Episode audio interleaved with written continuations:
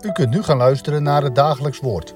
Dit is iedere maandag tot en met vrijdag om 10 uur, 3 uur en s'avonds om 7 uur. Deze meditatie wordt verzorgd door dominee Gene.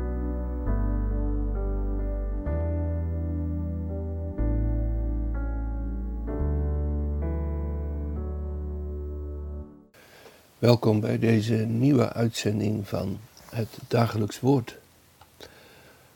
We lezen vandaag uit de profetie van Daniel, hoofdstuk 7, vers 23 tot en met 28. Hij zei het volgende: Het vierde dier zal het vierde koninkrijk op aarde zijn. Dat verschillen zal van al de andere koninkrijken. Het zal heel de aarde verslinden. Het zal haar vertrappen en haar verbrijzelen.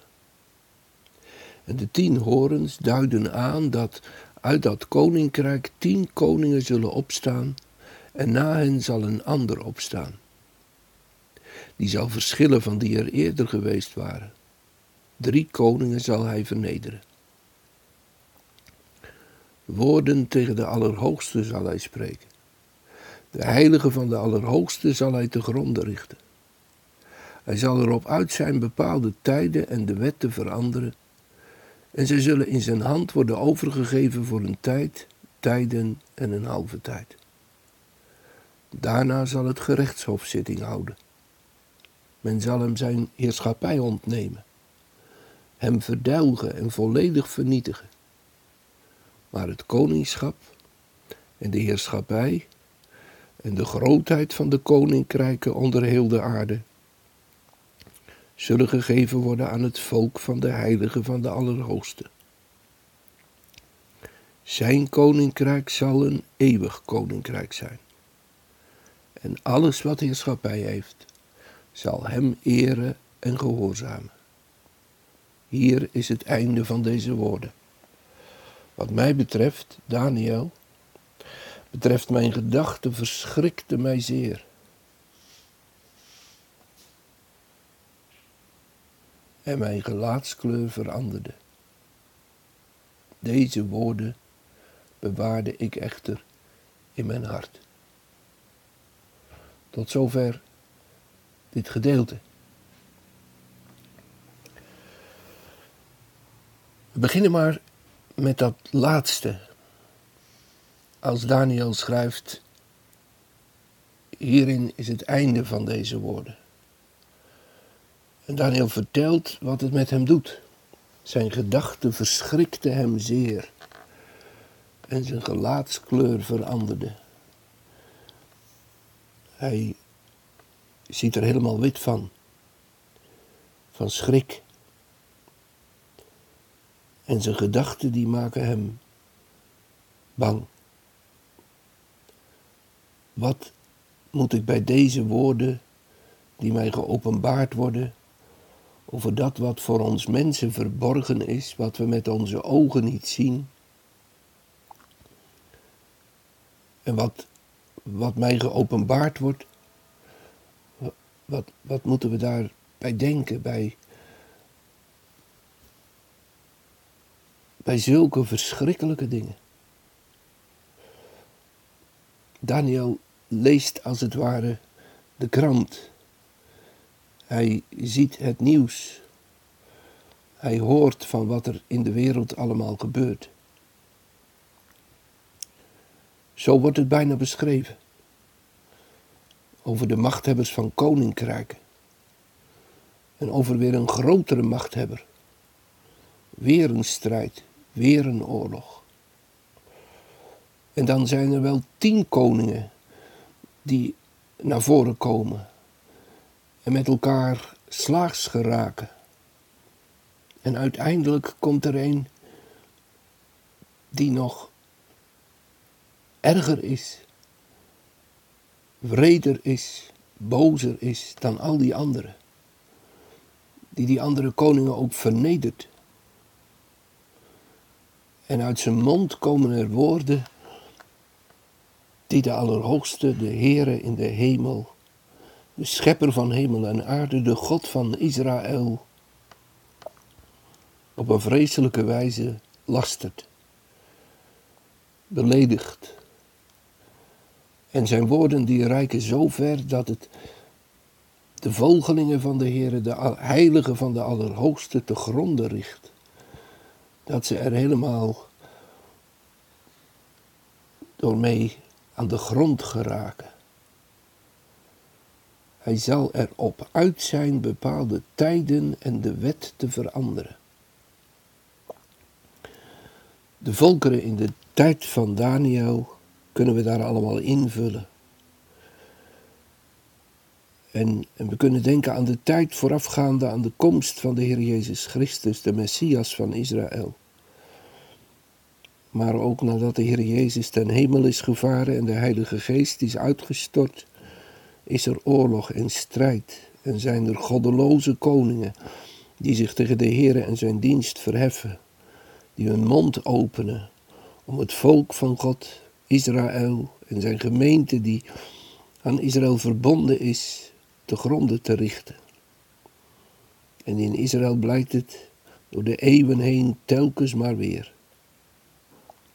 Dat de volkeren van deze wereld de God van Israël, de Vader van de Heer Jezus Christus, wensen van zijn troon te stoten. En tot op de dag van vandaag gaat het voort.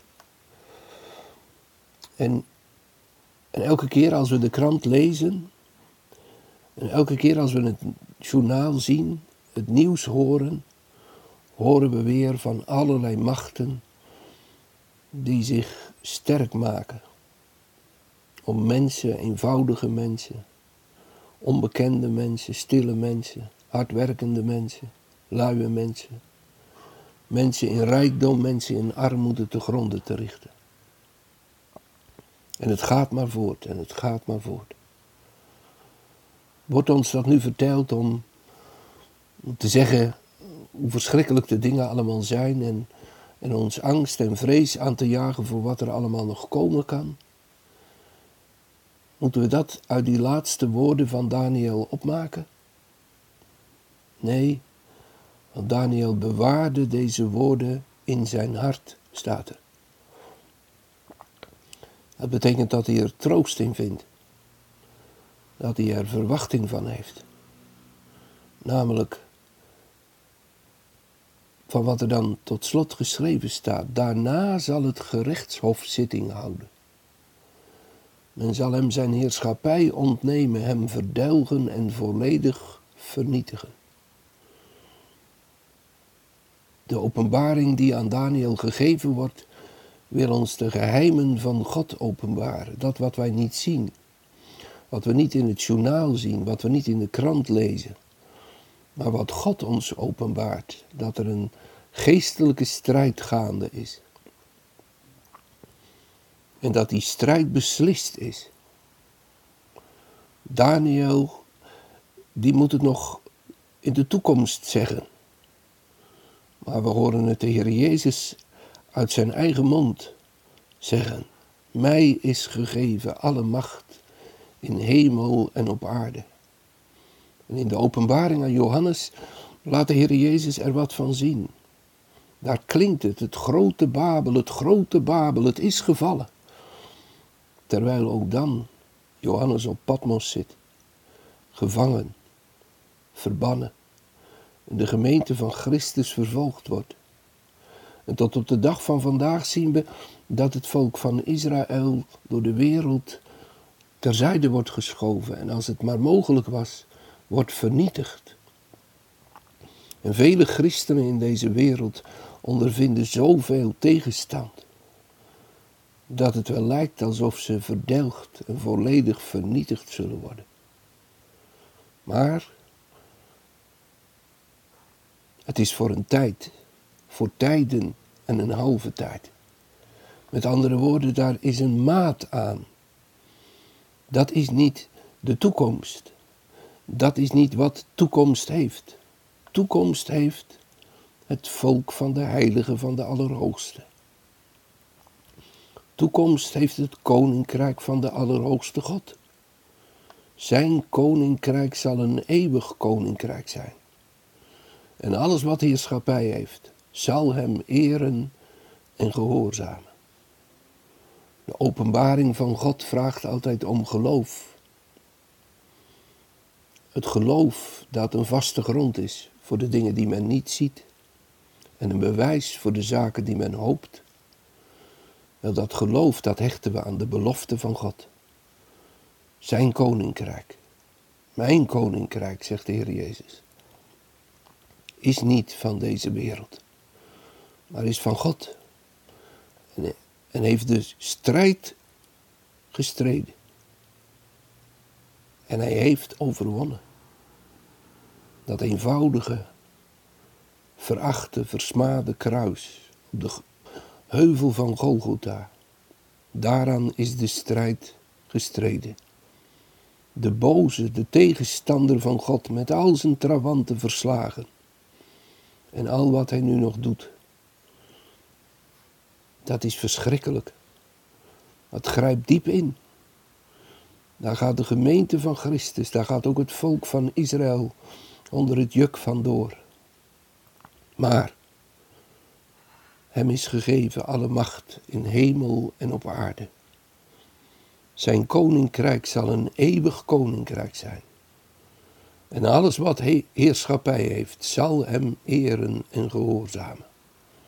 Al die machten zullen de mond gesnoerd worden en zullen zich moeten buigen voor koning Jezus. Het is een verschrikkelijk gedeelte. Maar als u goed luistert en als u geloof hecht aan de woorden, dan troost het u. De wereld gaat wel door het donker. En de strijd met de boze, met de zonde en de wereld, die is zwaar. Er is wel sprake van een driekoppig monster, zo zegt men. Hebben er allen mee te strijden als we achter koning Jezus aankomen. Maar, hoewel het een zware strijd is, wij zullen overwinnen, omdat Christus aan het kruis overwonnen heeft. Zijn koninkrijk komt. Laten we bidders zijn. Kom, Heer Jezus. Kom haastig. Mag ik nog met u bidden?